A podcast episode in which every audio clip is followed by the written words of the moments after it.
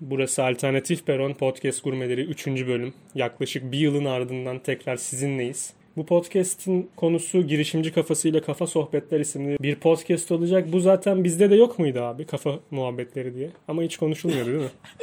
Valla kafa muhabbetleri var ama siz çok iyi yapama ben siz giden podcastleri yapamadığınız için sevgili Douglas. O yüzden kafa muhabbetleri de pek tutmadı. İsmen tutmuş demek ki sadece. Kafa muhabbetlerin tutmamasının nedeni Ayata olabilir mi sizce? Neyse şimdi şimdi konumuza geliyoruz abi. Girişimci Kafası diye bir site var. Bu sitenin kurucusu da Kaan Gülten. Şimdi Kaan Gülten aktüerya diye bir bölüm okumuş. Biliyor musunuz aktüerya ne demek? Bu gerçek iş sorunlarını çözmeye yardımcı olmak için finansal ve istatistiksel teorilerin uygulanmasını amaçlayan akademik bir disiplin ama sorun şu ki Kaan Gülten bunu hiç beğenmemiş. Sonrasında gidiyor, AutoCAD öğreniyor. AutoCAD'in alanında bayağı geliştiriyor kendini kendisi. Artık eğitimler vermeye başlıyor. Sonrasında da AutoCAD hocası diye bir site kuruyor. Bunu da Google'da yükseltmek için SEO çalışmalarına başlıyor. Tamam mı? Nasıl yapılır, nasıl edilir SEO hocasını kuruyor. SEO hocasında da SEO... SEO hocası onun muymuş ya? Tabii. Vay be. Yani ben de mesela SEO ile ilgili bilgilerimi geliştirebilmek için SEO hocasını bakmıştım. Çok var aslında. Yani SEO yazınca birinci sırada çıkan bir site yapıyor yani tamam mı? Kitap falan yazıyor. Şimdi en ilginç noktalardan birine gelelim abi. 2011. Webchers isimli bir şirket kuruyor. Tek başına kuruyor. 7 bin lira öz sermaye ile kuruyor. Ve birkaç yıl sonra 35 kişiye çıkıyor kadrosu. Şu anki sermaye de 10 milyon dolar. 10 mil... Milyon milyar dolar. Ay maşallah. Vallahi çok büyük bir azim, çok büyük bir başarı. Gerçekten çok büyük bir başarı. Yani ben 7 milyarla bir işe girsem o kadar yapamam herhalde. Hala aklın milyarda ama işte. Aynen. Hala aklım onda. Şimdi Kaan diyor ki yani mottosu şu paylaşmak kazanmanın en hızlı yoludur. Şimdi o onun mottosu. Mesela birçok usta var vermiyor abi bilgiyi çırağına ya da eğittiği kişiye çok bilgi vermez kendisine bağımlı Evet. olsun diye. Ne diyorsun abi bu konu hakkında? Yani bilgi paylaştıkça değerlenir yani bu her bölümde her sektörde açık bir şey yani. Ama şimdi 35 kişi de ne kadar ortaya bir sermaye koydu, ne yaptı falan onları da pek bilmiyoruz. Ama anlaşılan şu ki büyük meblağlar da koyulmuş ortaya yani. Yoksa hani 7000'den 10 milyon TL, Dolar. 10 milyon dolar, mı? Dolar. Dolar TL. 10 milyon dolara da 9'da çarp. çıkması yok 7 7.2 falan olmuş galiba şu an. Olsun. Birkaç zaman sonra 9'da çarpı olacak yani doğru diyor. Ama bu çok güzel bir başarı yani tebrik ederim. Şimdi hayatı T'ye işi ciddiye Ben alanların konuşacaktım. Ben de düşüncelerimi söyleyecektim. söyle. Ha, yani saksı değilim ben. Şimdi sevgili Douglas bu paylaşımlarla alakalı paylaşmayla alakalı olarak şunu söyleyeyim ben. Baktığın zaman evet sen altındaki çırağa ne kadar bilgi verebilirsen o çırak ileriki hayatında o kadar başarılı olur. Ama bizim çoğu insanımızda şöyle bir şey var. Bilgiyi paylaşmayayım ki yarın öbür gün buna benzer bir iş geldiğinde bu işi yapabilmek için bana ihtiyaç duyulsun. Kendi çıkarını göz önünde bulundurmak var. Yani demek ki Kaan Bey bu konuda diğer insanlarla paylaşım gerçekleştirerek hem onların gelişmesini hem de şirketinin gelişmesini çok iyi bir şekilde sağlamış. Şimdi podcast'in sloganı şu. Hayatı T'ye işi ciddiye alan program. Ne düşünüyorsun abi bu podcast sloganı hakkında? Yani bu çok açılması gereken bir slogan çünkü hani hayatı tiye alırken bir yandan da işi ciddiye alabilmek işte sonuçta bir hayatın parçası. Yani hayatı sen tiye alıyorsan işi de aslında tiye almış olursun mantığı. bu yüzden bu yüzden burada bir mantık hatası demeyeyim de hayatı tiye almanın bir yansıması olarak slogana gelmiş diyebilirim aslında. Ya bence hayatla işi bir arada tutmaması çok güzel bir şey. Neden güzel? Çünkü aslında hayat işi değil iş hayatı yönlendirir.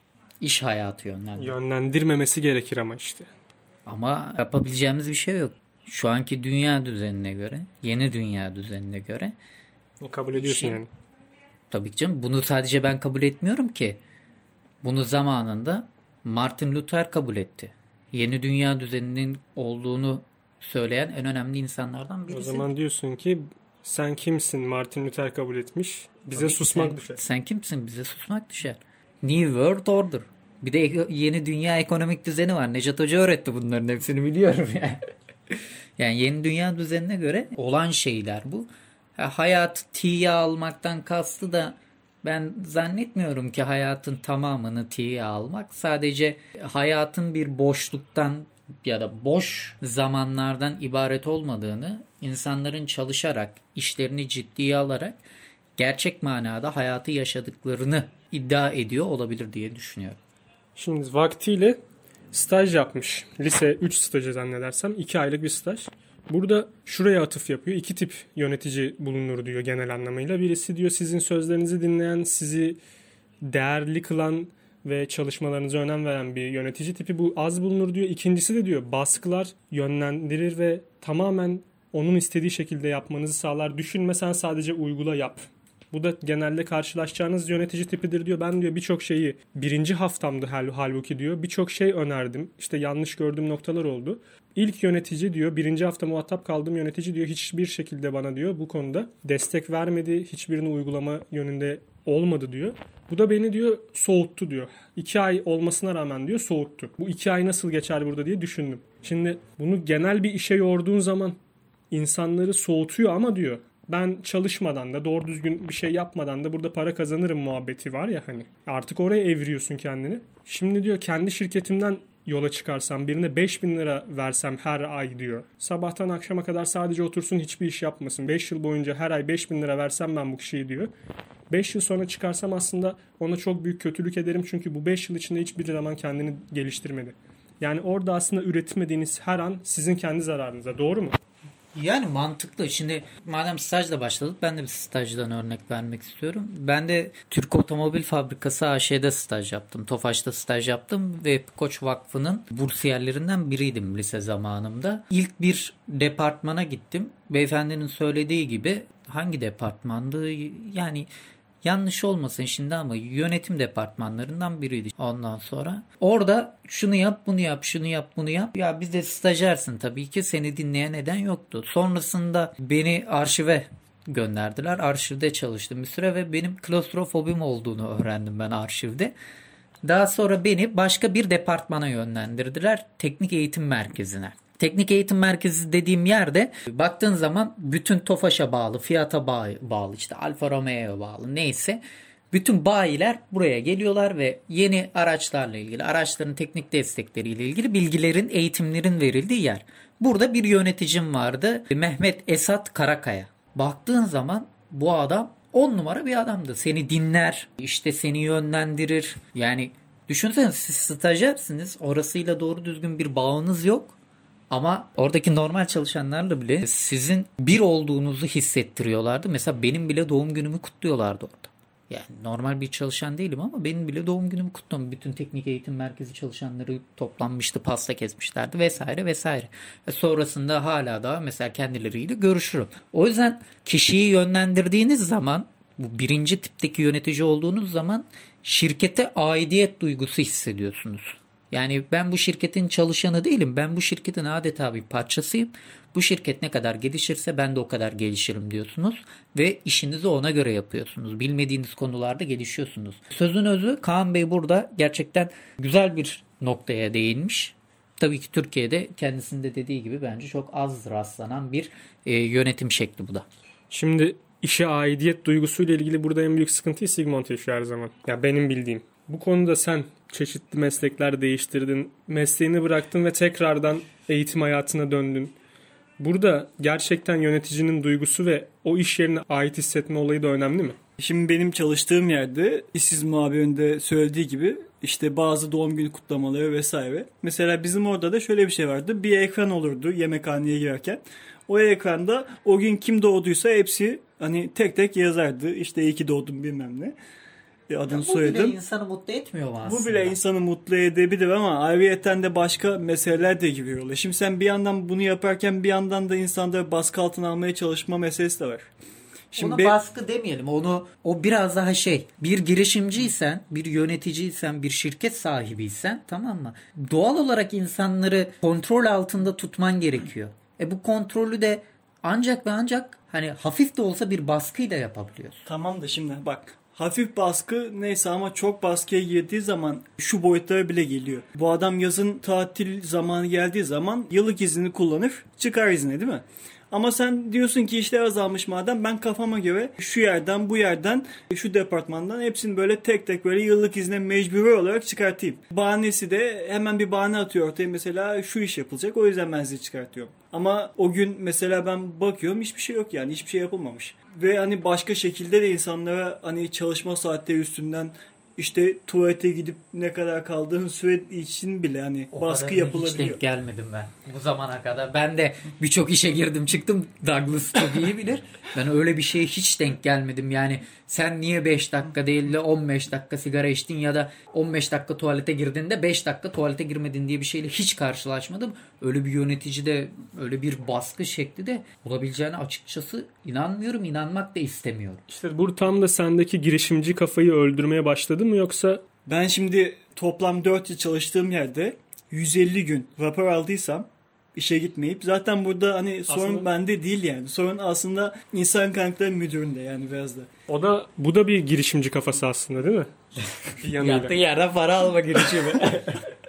Ve hani olayın şu boyutu da var. Hani raporluk aldığım günler daha çok maaş aldığımı fark ettim yani rapor parasıyla. Hani bir yandan bu olayı da var yani. Devlet bana daha çok para ödüyorsa ben niye evde yatmayayım? O mesele de var tabii. Ama Türkiye'deki ekonomik durum insanları biraz da girişimci olmaktan korkutuyor.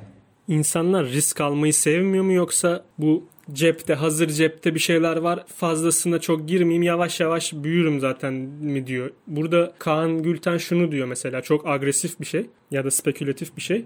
Diyor ki şişmanlardan girişimci olmaz. Niye? Çünkü önüne bir yemek konduğu zaman bunu bitirmekle mükellef olduğunu hisseder. O onu da şeye atfeder hep. Yoksul genle zengin gen ayrımını.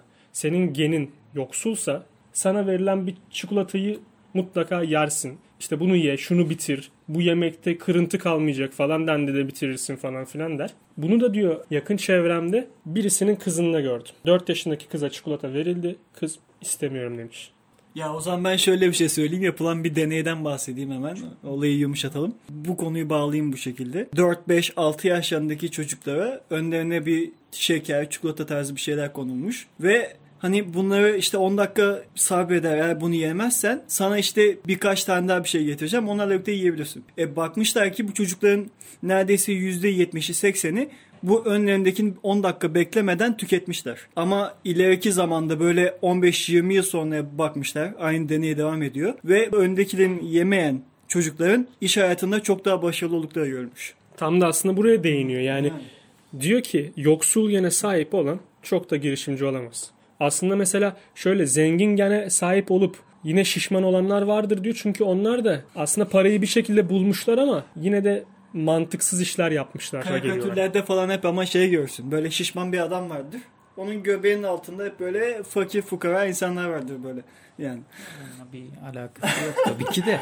Aslında yani Yani ama zenginler de hep böyle şişman böyle e, Onlar sert bakışlı işte. falan gözüküyor yani. Ya, cidden çok mantıklı. Yani Kaan Bey de benim bir akrabalığım olabilir mi diye düşünüyorum şu an. Ya Ben, bende de herhalde bir zengin gen var. Çünkü kafa düşüncesi olarak baktığın zaman benim düşündüğüm şeye de çok uy- uyuyor. Ya bu zamana kadar benim de çok girişimcilik deneyimlerim oldu. Bunun en büyük örneği Market- sensin. Ama yine de Kaan diyor ki çok tasarrufçu da risk almayı sevmediği için aslında yine ben olmuyor. diyor. tasarruf etmem ki o para giderse gider yapacak bir şey yok yani. Bu zamana kadar o para yoktu ki elimde. Ya olacak ya olmayacak. Hayat zaten bir risk almaktan ibaret bana göre. Niye ben bu hayatın kendisi risk almakken bunu iş hayatında kullanmayayım ki? Peki burada bir soru soracağım. Manasız gelebilir. Bir sokak kedisi mi daha girişimcidir yoksa bir ev kedisi mi daha girişimcidir? Şöyle diyeceğim onu da. Mesela sokak kedisi çok yemek bulmaz. Yemek buldu mu da tıka basa yiyebilecek kıvamı vardır bazılarının. Çünkü başka bulma ihtimali olmadığını düşünebilir. E Peki burada insanların yemek bulmasıyla olayı biraz farklı değil midir? Ben söyleyeyim sokak kedisi daha girişimcidir. Çünkü dedik ya yemek buluyor yiyor ama başka bir zaman yeni bir yemek bulabilmek için yine bir girişime giriyor. Ama ev kedisi öyle değil. Atıyorum Sigmund'un bir kedisi var. Sigmund ne yapıyor? Yemeğini her gün belirli bir köşede yemeğini suyunu belli saatlerde hazır ediyor. Bu kedinin etraftan yemek bulma gibi bir derdi yok. Ama ama şöyle bir şey söyleyeyim. E Şimdi bizim yan bahçede başka bir komşumuz da var. Geçen gün geldi camı tıklattı dedi ki sizin kediniz benim yemeğimi yedi geçen gün dedi. O zaman başka yanıyla bu da bir girişimciliğe zorluyor kendini yani. Ulan hiçbir şey yapmıyorum evde. Ya papaz her gün pilav yemez şimdi. Arada elma da mı yemiyor? Şimdi podcast'in açıklamasına kısaca değineyim. Diyor ki girişimcilerin yeteneklerini ortaya çıkarmayı ve bunları hem bireysel ve toplumsal faydaya dönüştürmek için neler yapılabileceği hakkında konuşuluyor. Sadece girişimciler için değil. Bu programdan hemen hemen herkes kendisine dair önemli bir şeyler bulabilir. Her yeni bölümünde değer yaratmadan paylaşmaya, büyüme ve kazanma stratejilerine kadar birçok ilgi çekici konuya odaklanan bir podcast serisi diyor. Girişimcilik adını hangi yollardan geçtiğini anlatan ve deneyimlerini aktaran bir podcast Kaan Gülten'in.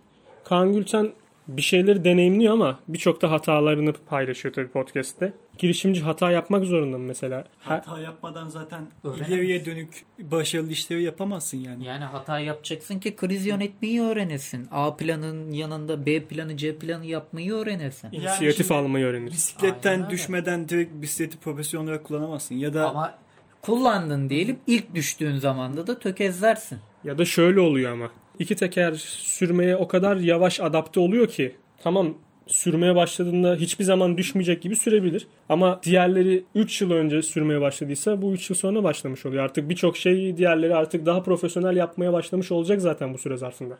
Ama mühim olan bu işi ne kadar istekli yaptı. Diyor ki herkeste bir girişimci kafası var. Tabii ki. ne kadar istekliysen o kadar çok hata yaparsın diyebilirim ben aslında. Şunu soracağım şimdi. Ama her konuya bir şey söylüyorsun ya o yüzden. Şimdi olay şu. Girişimcilikle ilgili podcastleri biz görüyoruz yani. Bazı podcastler var. Tabii bunlara önem verilmeli, yükselmeli bu tarz konular ama nasıl bir yere koyuyorsun podcastlerde girişimciliği? Ya podcast bir girişimcilik işi mi her şeyden önce ve girişimcilikle ilgili bir şeyi podcast'te anlatmak nasıl bir iş? Böyle bir karma bir şey. Ucuna ekonomi dokunabilen her şey bir girişimciliktir yani. Şimdi podcast'te de girişimcilik vardır elbette. Çünkü yaptığın bir reklam var ya da belli kazançlar her yerden elde edilebiliyor. Ve girişimciliği anlatırken bile hem senin hem de senden bir şeyler öğrenebilecek olanların bile bir kazancı doğabilir. Ya aslında ucuna ekonomi dokunması gerekmiyor bir şeyin girişimcilik adını alabilmesi için. Niye gereksin ki kardeşim? Örneğin çok güzel bir kız gördünüz ve bu kızla tanışmak için bir harekete geçtiniz. Aslında bu da bir girişim. Ama bu da bir maddi olay. Maddi olarak niye geçiyorsun? Maddiyle ne alakası var? Şimdi Maddi manevi sonuç olarak girişimcilik bu yani. sonuç olarak diyor ya ruhlar aleminde yaşamıyoruz diyor. Yani İşte budur. Yani maddiyat her yerde demek istiyor arkadaşım. Oturduğun sandalye ya da ulan bir parka gideyim oturayım. Bedava ya. Hani ne olacak lan parka da para mı vereceğim? Bir tane bank var orada işte. O bank da sonuç olarak maddi bir şey. O asfalt maddi bir şey. Her şey maddi bir şey. Ve bir insanla tanıştığın zaman o insanla tanışıyor oluşun bile maddi bir şey içerir. Sonuç olarak el eli tutabilir, göz gözü görebilir falan filan. Ve hani senin bir örneklendirmenden de söyleyeyim. Hani o banka tamam otursun da orada oturduğun süre boyunca da bir maddi kayıp da yaşarsın aslında aslında. Bildiğin para olarak da yaşarsın bunu. Bak o o örneği şöyle vereyim ben yine burada 7-24 podcast'te çalış kardeşim o zaman seninle ne diyeyim. Uyurken bile çalış yani. şu örneği veriyorum. U- uyurken de maddi kaybın var. O ne olacak? Yemek yerken de maddi kaybın var.